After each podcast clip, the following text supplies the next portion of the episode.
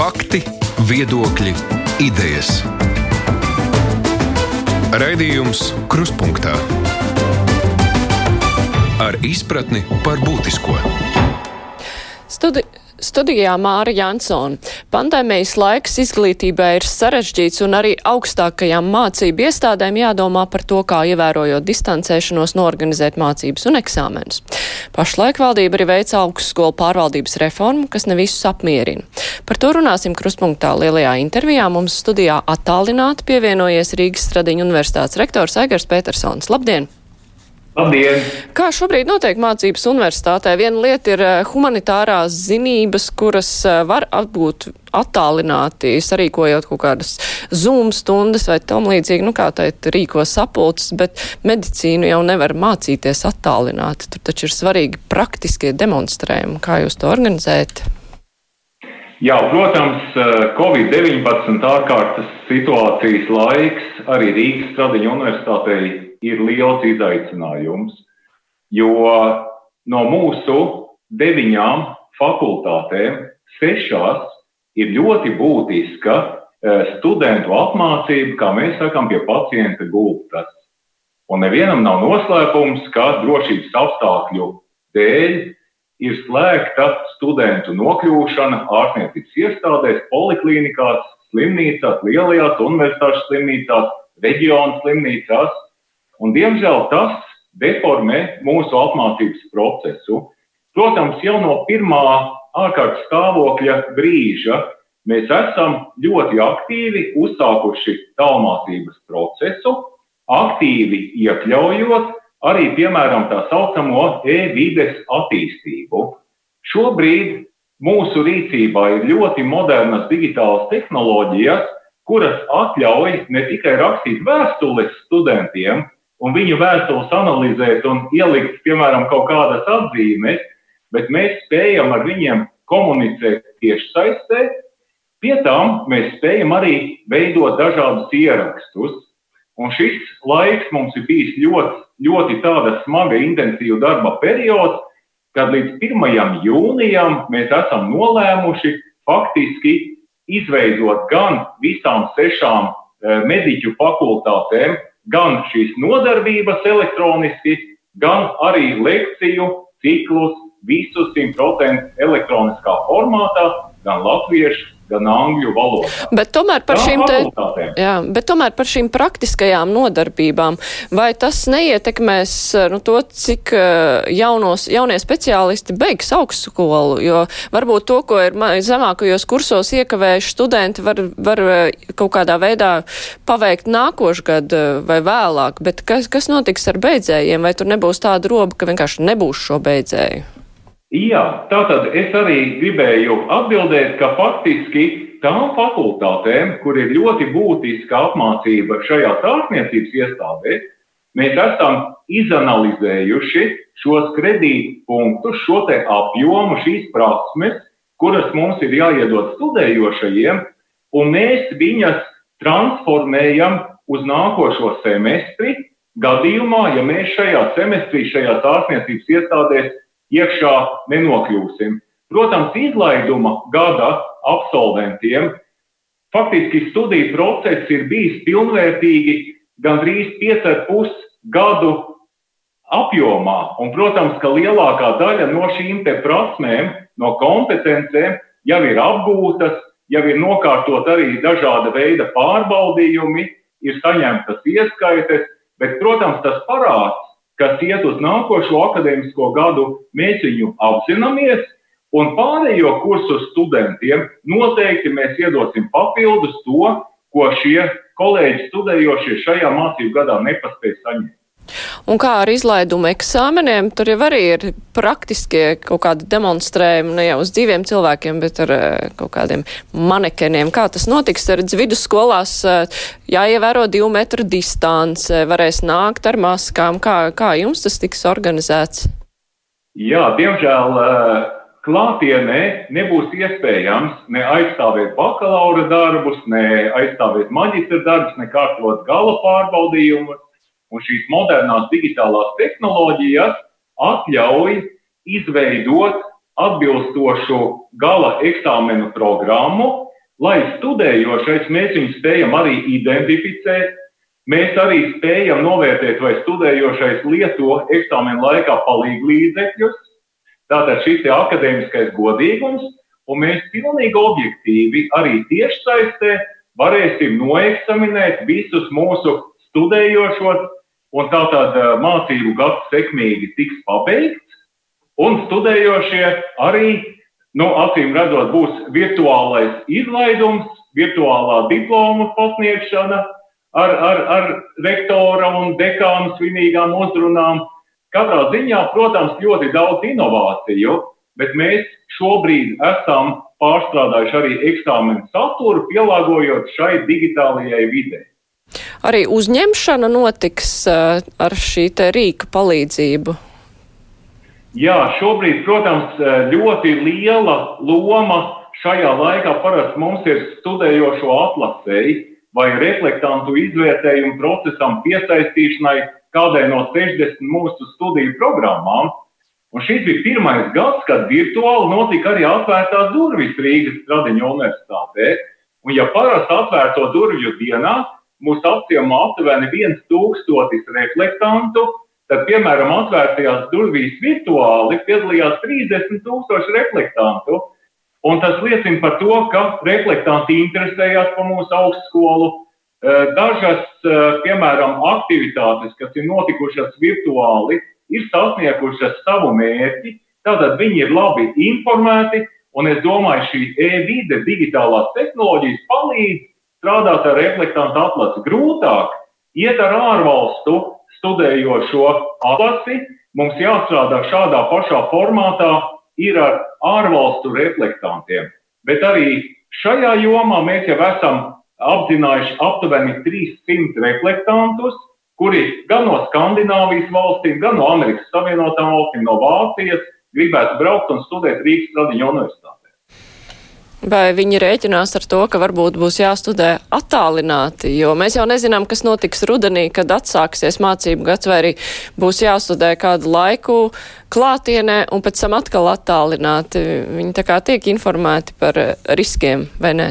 Jā, viņi tiek informēti par riskiem, un būtībā mēs esam gatavi pie šīs eh, ļoti labi sakārtotās e-vides, pie šīs tiešsaistes tehniskajām iespējām, kuras ir šobrīd augstskolas rīcībā, eh, esam gatavi arī jaunā akadēmiskā gada sākumā, septembrī, oktobrī līdz jaunajam gadam noteikti nodrošināt eh, šo tālmācību, izmantojot ļoti modernas šīs apmācības metodes, kuras, starp citu, arī šobrīd izmanto Amerikas Savienotajās valstīs, vadošajās Skandināvijas, Vācijas augstskolās, kuras ir aprobētas, Un būtībā es gribētu teikt, ka šajā jomā mēs esam nu, pilnīgi labāko Eiropas pasaules augstskolu līmenī šobrīd.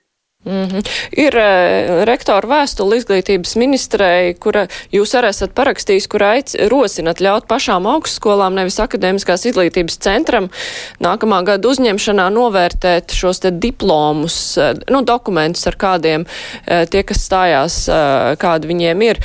Vai augstskolas grib uzņemt studentus, kurus dokumentus varbūt šis centrs neatzīst? Kāpēc ir vajadzīga šāda pārmaiņa? Jā, protams, mēs ļoti vēlamies, lai šajā brīdī, kad mēs, protams, konkurējam par šiem ārvalstu studentiem, mēs konkurējam ar Ungārijas, Čehijas, Lietuvas augstskolām, un mums ir maksimāli jāatvieglo ārvalstu reflektanta ceļš uz Latvijas augstskolām, jo tā jau nav tikai apmācība, tā ir arī ekonomikas eh, atjaunotne pēc krīzes, ekonomikas sildīšana, un tāpēc mēs vēlamies novērst tos birokrātiskos šķēršļus, lai, piemēram, augstskolas, kurām ir ļoti augsta kompetence, piemēram, Rīgas Stradiņa universitāte, mēs jau 20 gadus apmācām ārvalstu studentus, mums ir 40% vācu studenti, 37% skandināvijas studenti, faktiski minimāls ir trešo valstu studējošo skaits. Mēs paši vienmēr esam skatījuši izglītības dokumentus, paši esam izvērtējuši, paņēmuši labākos. Tieši tāpat ar valodas testu, ka mēs jau ņemam ar to noteikumu, ka viņam būs jāmācās tie nav statisti, un tāpēc mēs ļoti lūdzam uzticēties augstskolām, un ļoti lūdzam, it sevišķi tas, kas attiecās uz Eiropas Savienības valstīm.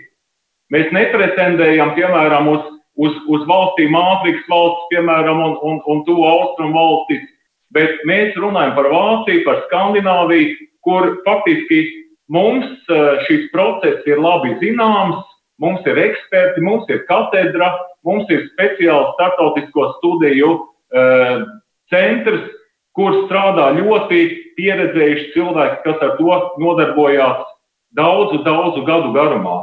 Tieši tāpat mēs lūgsim izglītības zinātnes ministrijai rast iespēju elektroniski parakstīt diplomus.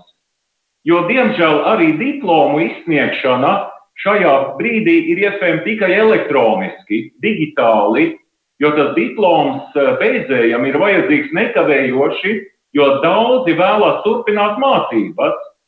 Un tāpēc līdz šim tas ministrs kabinets noteikumos nav aprunāts, bet mēs lūgsim ministriju nākt arī šeit, kā ārkārtas situācijā izņēmuma gadījumā mums pretīm un ļaut mums ar elektronisko drošu parakstu parakstīt šos izglītības dokumentus. Mums ir klausītāji atrakstījuši vēstules saistībā ar pārbaudījumiem elektroniski. Klausītājs rakstā, diemžēl Stradiņu universitāte šobrīd ar noteikumiem ir ļoti nežēlīgi. Ja gadījumā pārbaudas darba laikā nobrūk internets vai rodas tehniski ķibeli, diemžēl netiek doti otra iespēja. Kā universitāte skatās uz to, ka, nu, ka ne visi studenti varbūt ir nodrošināti ar labāko datoru, labāko internetu pieslēgumu un varbūt zinošs students, bet tehnika viņu pieviļ? Nē, nē, nu, tad tur ir acīm redzot eh, jākonkretizē. Mums līdz šim, eh, līdz šim mēs jau faktiski mēnesi aktīvi aizstāvam bakalaura maģistra darbus, kārtojam eksāmenos. Mums nereizi nav bijusi situācija, kad eksāmena laikā pārtrūkst interneta sakari. Tiešām mums ļoti ir veicies, un mēs katrā situācijā nākam pretim studējošajam, jo mūsu uzskats un mūsu pārliecība ir tāda, ka students ārkārtas situācijas apstākļu dēļ nedrīkst ciest. Un tiešām universitātes eh, redzes tajā fokusā centrā ir studējošais un viņa problēmas. Mēs visus gadījumus, ja tādi rastos, izvērtētu individuāli un noteikti studējošam tiktu dota vēl viena iespēja piedalīties, it sevišķi, ja tie ir nu, tehniski, tehniski traucējumi. Mm. Jūs pieminējāt ārvalstu studentus, 40% vācu, 37% skandināvu, bet nu, ir arī no tālākām zemēm. Vai jums ir ziņas par to, cik pandēmijas laikā studenti ir devušies prom no Latvijas? Varbūt viņi kārto eksāmenus, bet viņi neatrodas fiziski Latvijā. Jā, mums ir ziņas kopā. Mums ir 20, 2300 ārvalstu studenti. Un no 2300 ārvalstu studentiem apmēram nepilni 10% ir tikai no trešajām pasaules valstīm. Un, protams, tajā brīdī, kad sākās ārkārtas situācija, kad ministrs kabinets pieņēma šo te ārkārtas situāciju likumu, eh, ārvalstu vēstniecības aicināja eh, studentus pamest Latviju un doties uz savām mītnes zemēm. Un, protams, no 2300 ārvalstu studentiem šobrīd Latvijā ir 500 ārvalstu studenti, pārējie ir izceļojuši, bet neskatoties uz to, mēs esam nodrošinājuši viņiem ļoti kvalitatīvu apmācību procesu tieši saistē, veidojot ierakstus, jo daļa no viņiem ir rekrutēti praktiskajā veselības aprūpē. Viņi tāpat kā mūsu aptuveni 200 studenti dežūrē teltīs, palīdz paraugu noņemšanā, reģistrē pacientus, Un līdzīgi tieši tāpat Skandināvijas valstīs, Somijā, Zviedrijā, Vācijā studenti aktīvi piedalās veselības aprūpas procesā. Un, protams, ir jāņem vērā tas, ka viņš tajā konkrētajā nodarbības laikā var neatrasties mājās. Tāpēc mēs jau šo e-vidi esam kārtojuši tā, lai sevērtā laikā viņš pie datora varētu ieiet un tur būtu visas šīs demonstrācijas, gan manekenu demonstrācijas, gan pacientu demonstrācijas, gan arī lekcijas nodarbības viņam pieejamā laikā, ērtā formā. À, tas nozīmē, ka, teiksim, kāds students, kurš ir aizbraucis uz uh, savu mītnes zemi, viņš ir Stradiņa universitātes students, un viņš tajā mītnes zemē, teiksim, ņem Covid analīzes un piedalās uh, veselības aprūpē. Protams, viņš palīdz, palīdz ārstēt cilvēkus. Arī mūsu studenti, gods un slava Rīgas Stradiņa universitātes un Latvijas universitātes medicīnas fakultātes studentiem, kuri jau pirmajā ārkārtas situācijas uh, dienā atsaucās veselības ministrs aicinājumam un devās dežūrēt uz šīm teltīm. Un jāsaka tā, ka šis devums ir milzīgs, un, un tas parāda arī nozares augstskolu lielo lomu šādās ārkārtas situācijās. Tas ir jānovērtē, un studenti ir pelnījuši vislielāko atbalstu gan materiālu, gan finansiālu, gan, gan um, garīgu un morālu. Tāpēc augstskola meklē visus ceļus, lai mēs varētu studentam palīdzēt pabeigt mācību gadu un arī, protams, nākamajiem studentiem atvērt plaši durvis studijām augstskolā. Bet uh, šo, šī līdzdalība studentiem tiek arī ieskaitīta, ka, es nezinu, kaut kāda praktiskā apmācība vai kaut kāda papildus kredītpunkti. Jā, mēs esam arī definējuši šo darbu, un šajā darbā studenti iegūst ļoti būtiskas pieredzes un prakses. Un jāsaka tā, ka mēs to esam pielīdzinājuši praktiskai apmācības sadaļai, konkrētajās disciplīnās. Mēs piešķiram kredītu punktus un, protams, uzskaitam šo darbu.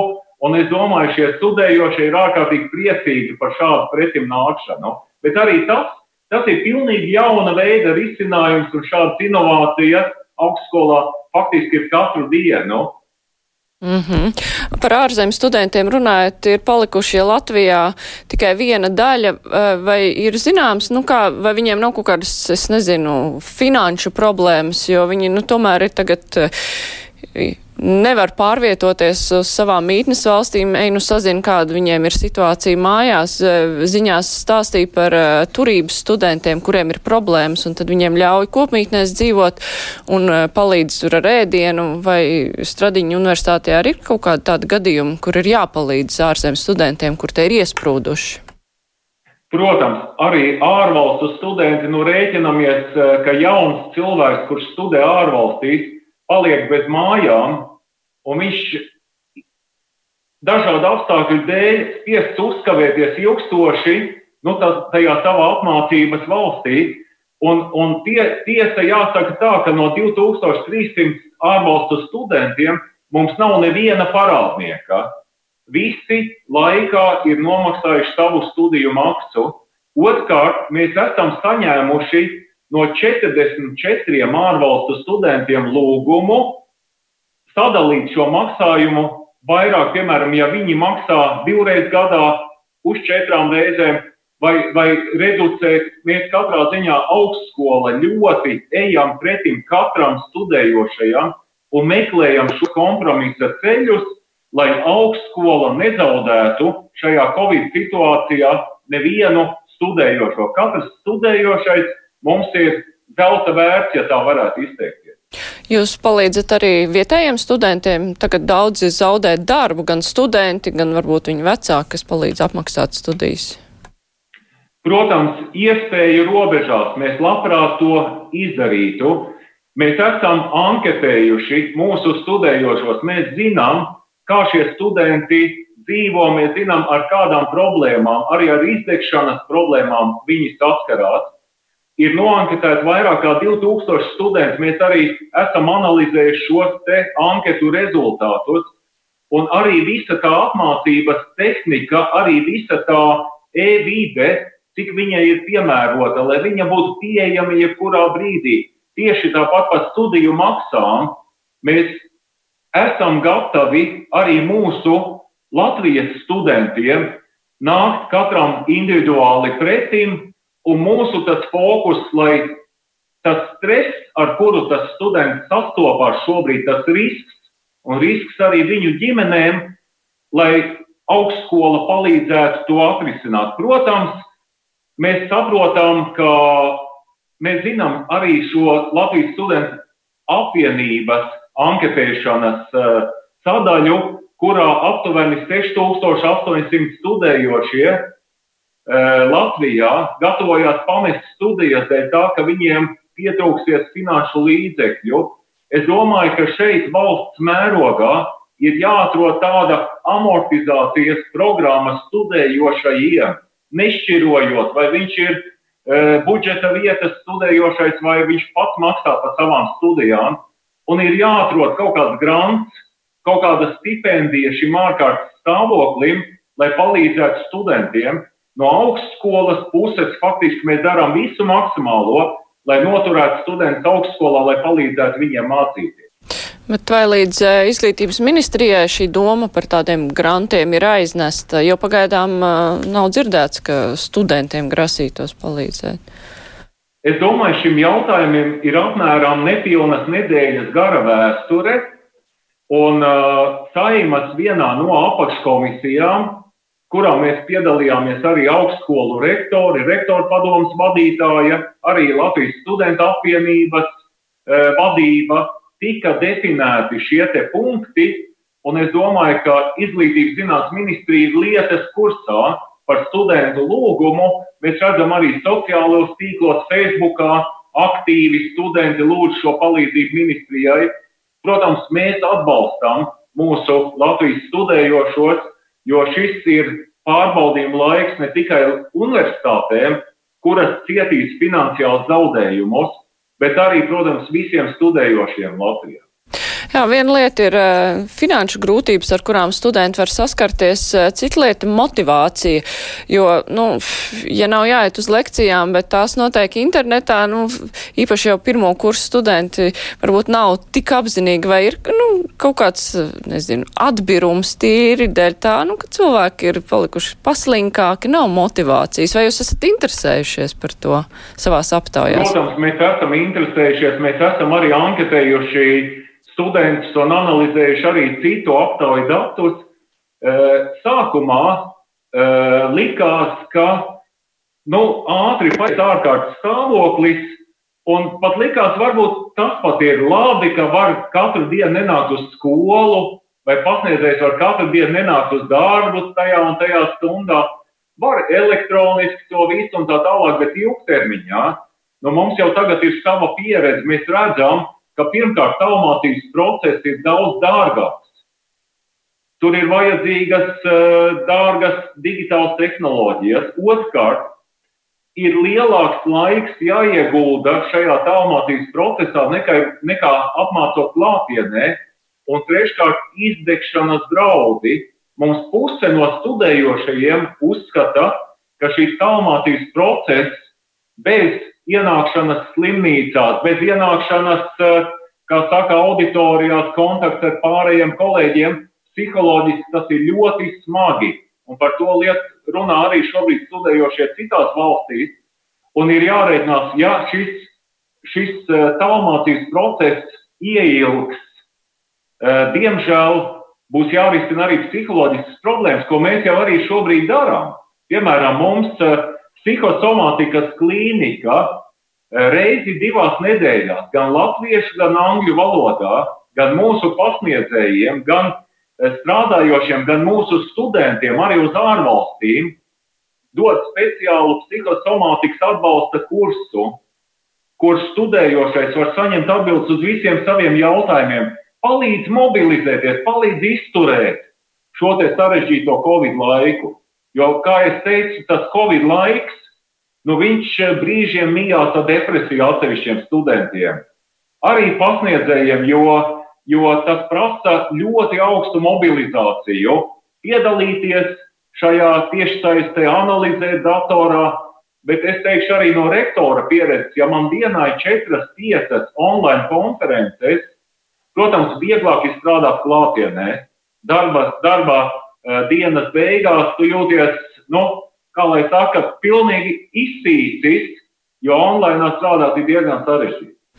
Bet, ja nu tomēr šī situācija ievelkas, mēs nezinām, kad būs otrais vilnis, kāds būs otrais vilnis, uh, un gal galā mēs esam saskārušies ar jaunu situāciju, kur agri vai vēl var atkārtoties.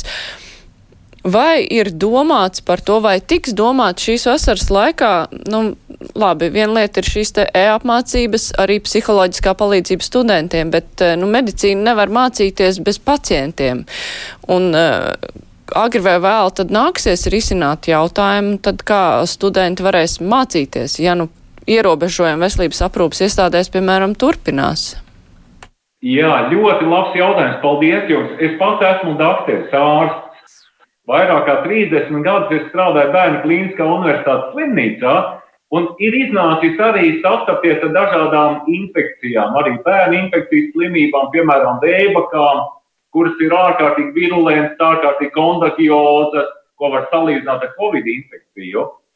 Un mēs jau šodien redzam to ceļu, kā piemēram studējošie varētu ienākt ārstniecības iestādēs.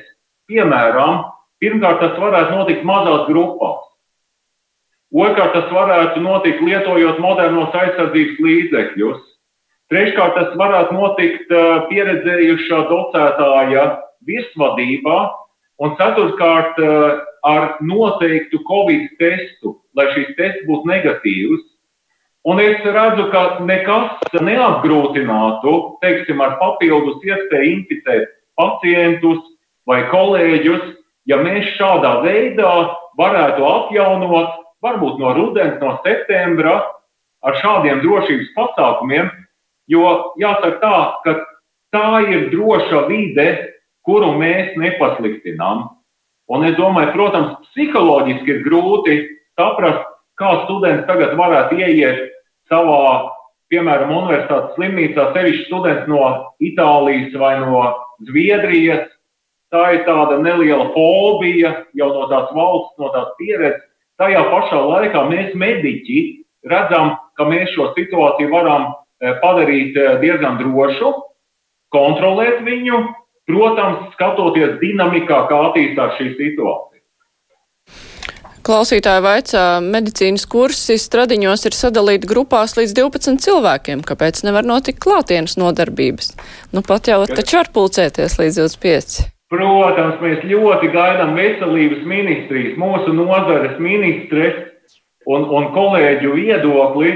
Mēs arī tieši šodien vadības sanāksmē Eh, nolēmām uzrunāt vadošo tātad šo te nozars ekspertu e, grupu un, un, un mūsu ministri ar lūgumu atļaut nākt un nelielās grupās, kā, kā es jau notaucu visus šos e, pasākumus, ievērojot, e, nodrošināt studējošo apmācību. Es domāju, arī šis Covid laiks, tā ir fantastiska pieredze studentam. Jo es esmu pārliecināts, ka mēs ar šo infekciju tiksim galā. Es nezinu, vai būs otrais vilnis vai nebūs otrais.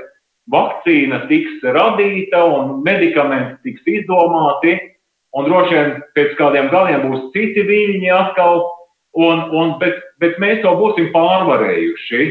Un mēs tiešām lepojamies ar to, ka Latvija to spēja izdarīt. Un būtībā mazāk vārds jādod politiķiem, vairāk vārds jādod nozaru ekspertiem, kuri zina, kā to izdarīt. Jo tā nav politika, tā ir šeit tīra, kā lai saka, nu, profilaktiskā medicīna, ja tā drīkst, sabiedrības veselība, kuru mūsu lieliskie eksperti, profesors Dumpis un, un dr. Perebošķikos un viņa komanda, profesor Vīksne, profesor Rozentāls, mēs lepojamies ar viņiem un nepavēlti mēs esam veiksmes stāsts pasaulē šobrīd. Jā, es atgādināšu klausītājiem un Latvijas televīzijas skatītājiem, ka šodien ir kruspunktā lielā intervija ar Rīgas Stradiņu universitātes rektoru Aigaru Petersonu, un vēl klausītāji, kur tagad grib mūs vērot, var to darīt Facebookā Latvijas radio viens lapā. Raidījums Krustpunktā. Turpinot sarunu par augstskolu reformu, augstskolu pārvaldības reformu, izglītības ministre uzskata, nu viņa ir minējusi, ka šī reforma šobrīd, kas skar tieši pārvaldību, ka, ka tā palielinās atklātību un autonomiju augstskolās, tomēr ne visi atbalsta šo te pārvaldības modeli, un viena no strīdus lietām ir padomi veidošana augstskolās. Principā tā ir vajadzīga lieta, vai strīds ir tikai par principu, kā šīs padomas ir paredzēts veidot? E, es gribētu varbūt minēt Rīgas Stradiņa universitātes piemēru, jo parasti ar piemēriem saprot visu situāciju. E, šobrīd Latvijā tiek popularizēts viedoklis, ka Latvijas augstskolas ir nespējīgas, rektori ir korumpēti, e, neprecīzās vēlēšanās vai, vai juridiski nepareizi noformētās uh, dažādās vēlēšanās ievēlēti, ka Latvijas studenti atpaliek no ārvalstu studentiem, ka augstskolas uh, slikti tērē budžeta līdzekļus, tad es gribētu pateikt to, ka, piemēram, Rīgas Stradiņa universitāte mēs pēdējo 20 gadu laikā esam desmit kāršojuši studējošo skaitu. Pirmkārt, Otrkārt, 2300 ārvalstu studenti. Mēs esam līderi Baltijas valstīs, Ziemeļa valstīs. 70% no visiem līdzekļiem mēs nopelnām paši. Mēs nelūdzam vairāk valsts dotācijas. Nākošais mums ir jārunā par ārvalstu klīnikām, kur mēs esam atvēruši Vācijā, Skandināvijā, Izrēlā apmācību centru. Mēs strādājam ar reģionālām slimnīcām, un kāpēc tas tā varēja notikt? Tāpēc, ka mums ir normāla pārvaldība, mums ir senāts, mums ir satversmes sapulce, mums ir rektors, kurš ir paklausīgs kalps abiem šiem orgāniem, un mums ir sadarbība ar padomnieku konventu. Jau šodien padomnieku konventa sastāvā ir izcili nozaru speciālisti. Jau šodien Padomnieku konvents izvērtē budžetu. Jau šodien padomnieku konvents izvērtē stratēģiju, izvērtē rektora kandidātus. Padomnieku konvents, kamēr viņi nedod jā vārdu, šis dokuments nenonāk augstskolā. Kas tiek plānots darīt? Faktiski mēs likvidējam satversmes sapulci, mēs likvidējam senāta pilnvaras, mēs noņemam pilnvaras rektoram, Mēs faktiski mazinām uh, padomnieku konventa lomu, mēs likvidējam akadēmisko šķīrēju tiesu, bet kāpinam vienas ministrijas, izglītības zinātnes ministrijas lomu, jo ir iestrādāts, ka izglītības zinātnes ministrija apstiprinās satversmi, izvirzīs rektora kandidātus, izvirzīs pārvaldības padomē šos locekļus, pie tam neievērojot to, sabalansētību, ka studējošiem jābūt vismaz 20% eh, balsu šajā pārvaldības padomē, respektīvi, ne tikai tiek mazināta augstskolu autonomija, augstskolu autonomija tiek sagrauta. Un tas, ko mēs esam daudzu desmitu gadu laikā, citas augstskolas simtu gadu laikā, šī augstskolas autonomija, augstskola attīstās akadēmiski, un neviena padome, kuru ieceļ attiecīgā ministrija un izvirza ministriju šos, šos uh, padomas locekļus, nevarēs sekmīgāk vadīt augstskolu, nekā, piemēram, to var izdarīt pati augstskola. Vai ir vajadzīga reforma? Visi saka, bez reformas mēs nevaram dzīvot. Covid laiks, reformu laiks, mēs tam piekrītam. Bet reforma ir palīdzība augstākai izglītībai un zinātnei. Jau šodien Latvijas augstākā izglītībā ir 0,8% finanšu no IKP, Somijā ir 4%. Mūs salīdzina ar Tartu. Vienai pašai Tartu universitātei ir tikpat daudz valsts budžeta līdzekļu, cik visām Latvijas augstskolām kopā. Sāksim ar reformu finansēt. Sāksim ar reformu eh, zinātnes nodrošināšanā. Un, protams, nozaru ekspertu klātbūtne ir ļoti nepieciešama, bet šeit arī padomē ir jāievēro zelta līdzsvars. Mēs gribam ekspertus, mēs negribam politiskus ielikteņus, kuri vēlēsies pārdalīt mūsu finanšu līdzekļus, ietekmēt stratēģiju un ietekmēt akadēmiski godīgu vēlēšanu procesu visos līmeņos. Bet Mēs esam šķi... ārkārtīgi satraukti par šo situāciju, un galvenokārt tas ir tāpēc, ka arī šis process ir necaurspīdīgs. Covid situācijas apstākļos mums atliek tikai iespēja sarakstīties e-pastā, kur vairāk no 80% mūsu ieteikumu ir palikuši faktiski bez ievērības. Nav bijusi neviena apspriešana, nevienā līmenī, kur mēs varētu gan konceptuālo ziņojumu, gan šo ministra kabineta lēmumu izspriest, izrunāt ar izglītības zinātnes ministriju. Notiek spiediens visos virzienos, un šobrīd šis karstais kartupelis ir iemests saimā, kur tagad saimas deputāti dabūs šo ļoti sarežģīto sameslojumu risināt. Bet kā jums šķiet, nu, kā interese un tieši kas tā ir par interesi bīdīt šo reformu, jo izglītības ministri nāk un iet, partijas nāk un iet, nevienam nav garantija, ka viņš sēdēs izglītības ministrijā mūžam un varēs dalīt augstskolu naudu. Tieši tāpēc Rīgas Stradiņa universitātes eh, finanšu līdzekļi šobrīd tuvojas 70 miljoniem eiro gadā. Ja ir plānots tā, kā IZM ir ieplānojis, ka šī pārvaldības padome šo naudu organizēs, pāraudzīs, stratēģiju pāraudzīs, būvniecību pāraudzīs, attīstīsim to, neattīstīsim šito, un rezultātā šie padomju locekļi pat nebūs pilnvērtīgas valsts amatpersonas. Man liekas, ka augstskolu likuma reformas šajā ēnā valstī tiek atrisināti nelabvēlīgā virzienā arī citu padomju locekļu šie amatpersonu deklarēšanās vai nedeklarēšanās jautājumi, par ko ļoti aktīvi šobrīd runā arī Knaps, arī Delna, arī studējošo asociācija, arī rektoru padomu, arī Latvijas Universitāšu asociācija kopā vairāk kā 20 organizācijas. Tad jums ir aizdomas, tad jums ir aizdomas, ka šī te visa ēnā arī citām, citiem padomju dalībniekiem nevajadzēs publiskot pilnā mērā savus amatpersonas deklarācijas. Ka tāds ir Jā, tas mērķis. likuma projekts to paredz. Likuma projekts to paredz. Un iedomājieties, ja pārvaldības padomes locekļi Eh, atbild, piemēram, par 70 miljonu eiro apriti gadā, vai, piemēram, lielajās Rīgas Tehniskā universitātē, Latvijas universitātē vēl lielāki skaitļi, un, ne, un ne ar ko neatbild. Pat, pat eh, ne, neparāda sabiedrībai eh, savu mantisko līdzekļu esamību, ja naudas aprites darījumus. Es domāju, ka tas ir ļoti trausls ledus kuram Covid krīzes laikā tuvojas Latvijas demokrātija.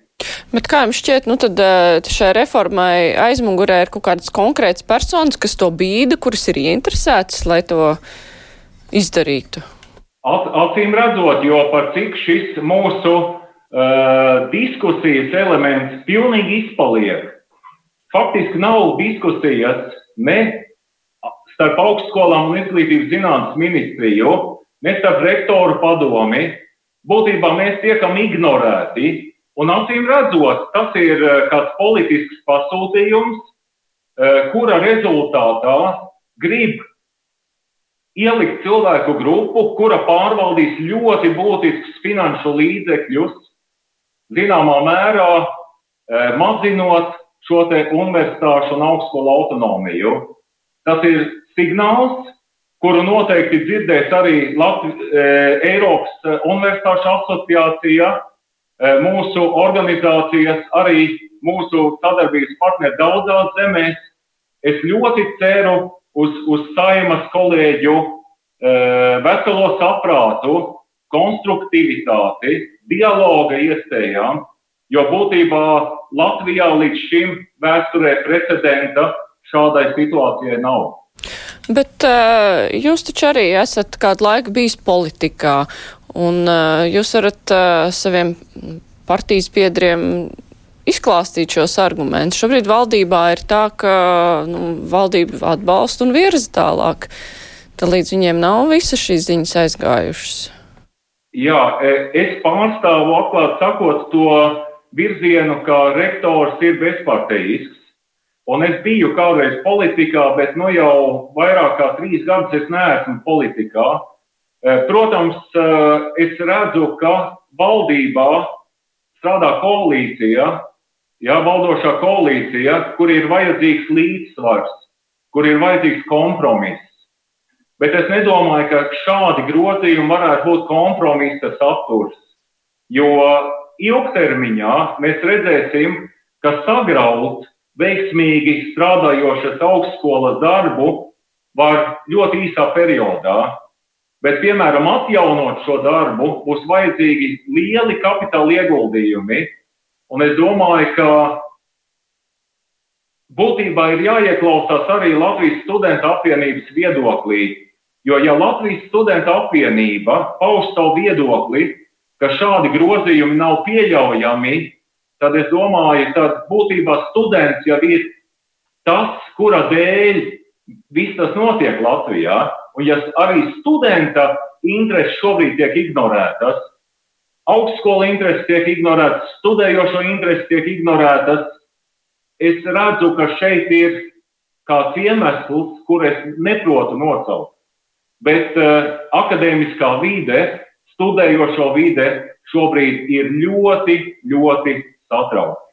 Mm -hmm. Bet uh, augstākajā izglītībā tomēr kaut kādas pārmaiņas ir vajadzīgas. Es, eh, es minēšu piemēru, piemēram, ārzemēs strādājošo uh, latviešu mācību spēku mēģināšana kaut kā atgriezt Latvijas izglītības sistēmā. Konkrētais piemērs ir profesors Uģis Gruntmans. Viņš ir profesors eh, Amerikas universitātē, bet viņš savā laikā gribēja pretendēt uz to krēslu, kur tagad sēžat jūs. Eh, nespekulējot par to, kurš būtu vai nebūtu uzvarējis vēlēšanās, bet eh, vai viņa nepielaišana pie vēlēšanām pēc būtības ir taisnīga vai nav taisnīga. Nu, jo šeit runa ir par to, nu, par tām prasībām. Viņam nav doktora grāda, bet nu, viņš skaidroja, ka Amerikā doktora grādu iegūst tie, kas eh, tiešām grib laboratorijā strādāt, nevis uh, pasniedzēji un ārsti. Nu, teiksim, šīs sistēma atšķirības būtu jāņem vērā tīri, lai piesaistītu cilvēkus, kuri ir kādreiz devušies projām. Uh, vai ir, vienkārši ir dzīvojuši kaut kur citur un eh, varētu atgriezties Latvijā un mēs varētu izmantot šo potenciālu? Paldies par labu jautājumu. Es ļoti nevēlētos varbūt eh, tieši akcentēt to savu atbildi uz profesoru Grunmani. Ir jābūt rektoram, rektoram, profesoram un profesors. Zinātņu doktors ir tas kolēģis, kurš ir aizstāvējis disertāciju. Es esmu aizstāvējis divas disertācijas. Eh, profesors Grundmans nav aizstāvējis nevienu disertāciju.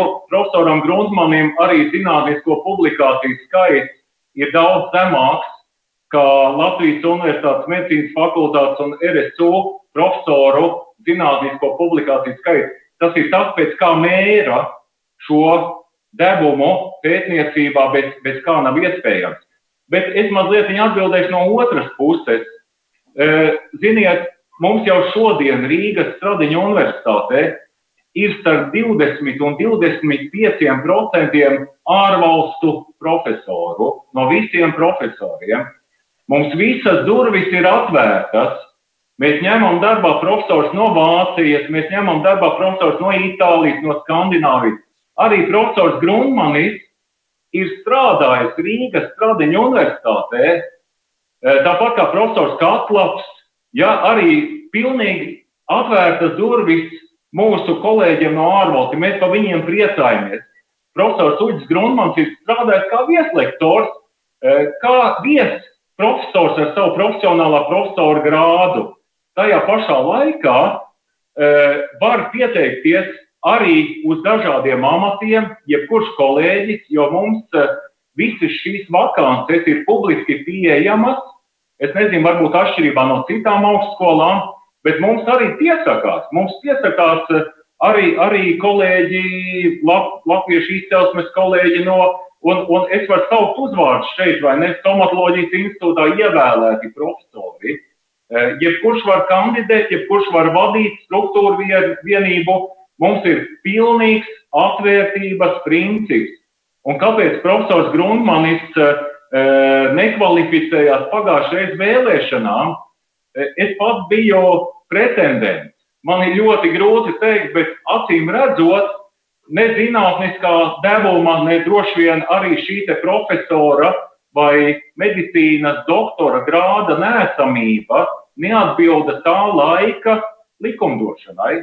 Un, un es saprotu, ka arī turpmāk ir jābūt, jābūt ir zinātņu doktoram, un ir jābūt ar savu pieredzi un ar savu skatījumu un, un vadības pieredzei, jāstrādā kaut kāds gadi kā vadītājiem.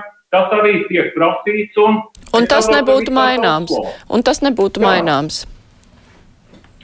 Nē, es, es uzskatu, ka konkursam jābūt atvērtam. Un mēs esam par atvērtu konkursu. Rīgas Bet, protams, mm. protams, rektors ir jāievēl Uh, augstskolas akadēmiskai saimei, vienalga vai satversmes sapulcē vai senātam, viņu nedrīkst ielikt politizēta padome. Mm -hmm. nu, tādā gadījumā tas, tas izjauc visu akadēmisko vidi un visu demokrātiju un autonomiju. Mm. Rīgas Stradeņa universitāte savulaik uh, nu, tika dibināta uz medicīnas institūta bāzes, kas bija padomu laikā. Un, Pirms tam to savukārt veidoja uz Latvijas Universitātes medicīnas fakultātes pamata. Uh, šobrīd ir tā, ka stradiņos māca gan medicīnu, gan uh, citas zinības. Uh, savukārt Latvijas universitātē māca daudz citu zinību un tajā skaitā medicīnu. Kā jums šķiet, vai nu, tā ir tāda pareiza pieeja, ka Rīgā ir divas lielas universitātes, kuras māca visu, un vai mums pietiek pasniedzēji, kuri kvalitatīvi var to pasniegt uz abām augstskolām? Jā, paldies par jautājumu. Es domāju, ka Latvija, eh, mums šī Latvijas Universitātes medicīnas fakultātes un Rīgas Stradiņa universitātes sadarbība, eh, būtībā tā ir konkurence, kura dzen uz priekšu. Tas neļauj nevienu brīdi atslābināties. Un šis te e, varbūt attīstības aspektā konkurējošais spēks, tas ir ļoti pozitīvi vērtējams. E, mēs, e, pateicoties savai ārvalstu studentu piesaistēji, mēs pēdējo piecu gadu laikā esam par 30% palielinājuši docētāju algas gan zinātnē, gan arī mūsu pasniedzējiem. Un es gribētu teikt, ka mums ir konkurss uz akadēmiskiem amatiem, kur mēs diemžēl visus pat nevaram pieņemt attiecīgi un visus nodrošināt ar darbu. Eh, jāņem vērā arī tas, ka faktiski eh, Latvijas universitātē ir savas sfēras, kas tiek lieliski attīstītas, un Rīgas Tradiņa universitātē ir savas sfēras, medicīna ir kā liela puzle, un kad mēs sanākam kopā, piemēram, lai kopā strādātu valsts pētījuma programmā, mēs jau zinām, Latvijas Universitātes medicīnas fakultāte, tur ir speciālisti, tur ir speciālisti. Mēs atkal nosacām, tas lauks ir liels, un jāsaka tā, ka mēs šobrīd nevis eh, viens otru konkurējam, tajā pašā laikā mēs viens, viens otram varbūt palīdzam, un tā sadarbība ir varbūt tas pareizais vārds, nevis kā tā konkurence. Jo pētniecībā valsts pētījuma programmā 12 gadus ar, ar, ar Latvijas Universitātes medicīnas fakultātes plecu pie pleca. Arī daudzi viņu kolēģi piedalās mūsu docēšanas procesā, kur ir eksperti, eh, atzīstami eksperti, un, un mēs esam vislabākie sadarbības kolēģi. Un es vēlreiz vēlos atzīmēt, ka Rīgas Stradiņa universitāte un arī es zinu Latvijas universitāte 70% no saviem nepieciešamajiem līdzekļiem nopelna paši šī valsts dotācija ir tik minimāla, tik minimāla, ka faktiski saimnieciskā darbība nodrošina to, lai mēs varētu algot savus zinātniekus un kāpināt savu zinātnes rezultātu un akadēmisko rezultātu. Šogad Stradiņa universitātē 70 gadu svinības jums nāks pārcelt uz nākamo gadu, tad cerības, ka nākamgad situācija šajā laikā jau būs normāla, ir lielas. Protams, prognozēt jau nevaram, varam tikai cerēt. Mēs esam ļoti bēdīgi. Ja jūs zinātu, cik ļoti gan mūsu studējošie, gan mūsu mācību spēki, gan zinātnieki, cik mēs ļoti gribējām skaisti nosvinēt, uzdāvināt šos svētkus arī saviem absolventiem, arī kolēģiem no citām augstskolām, no slimnīcām. bet diemžēl situācija ir tāda, kāda viņi ir. Nu, mēs ļoti ceram, ka pavasaris nesīs uzvaru pār Covid-19, un mēs varēsim varbūt distancējoties, bet tomēr savus svētkus nosvinēt. Mm. Kā jums šķiet, vai mums eh, minūte tik palikusi ir, vai šī visa Covid situācija ir nu, to topošo mediķu misijas apziņu vairojusi vai tomēr nē? Jo fonā tam visam ir valdības nepiepildīties solījumi mediķiem, kas nāca tieši pirms pandēmijas. Jā, eh, pandēmija sācināja to, cik ļoti nepietiekošs eh, līdzekļu uh, apjoms aiziet praktiskai veselības aprūpei, arī zinātnēji. Arī zinātnēji.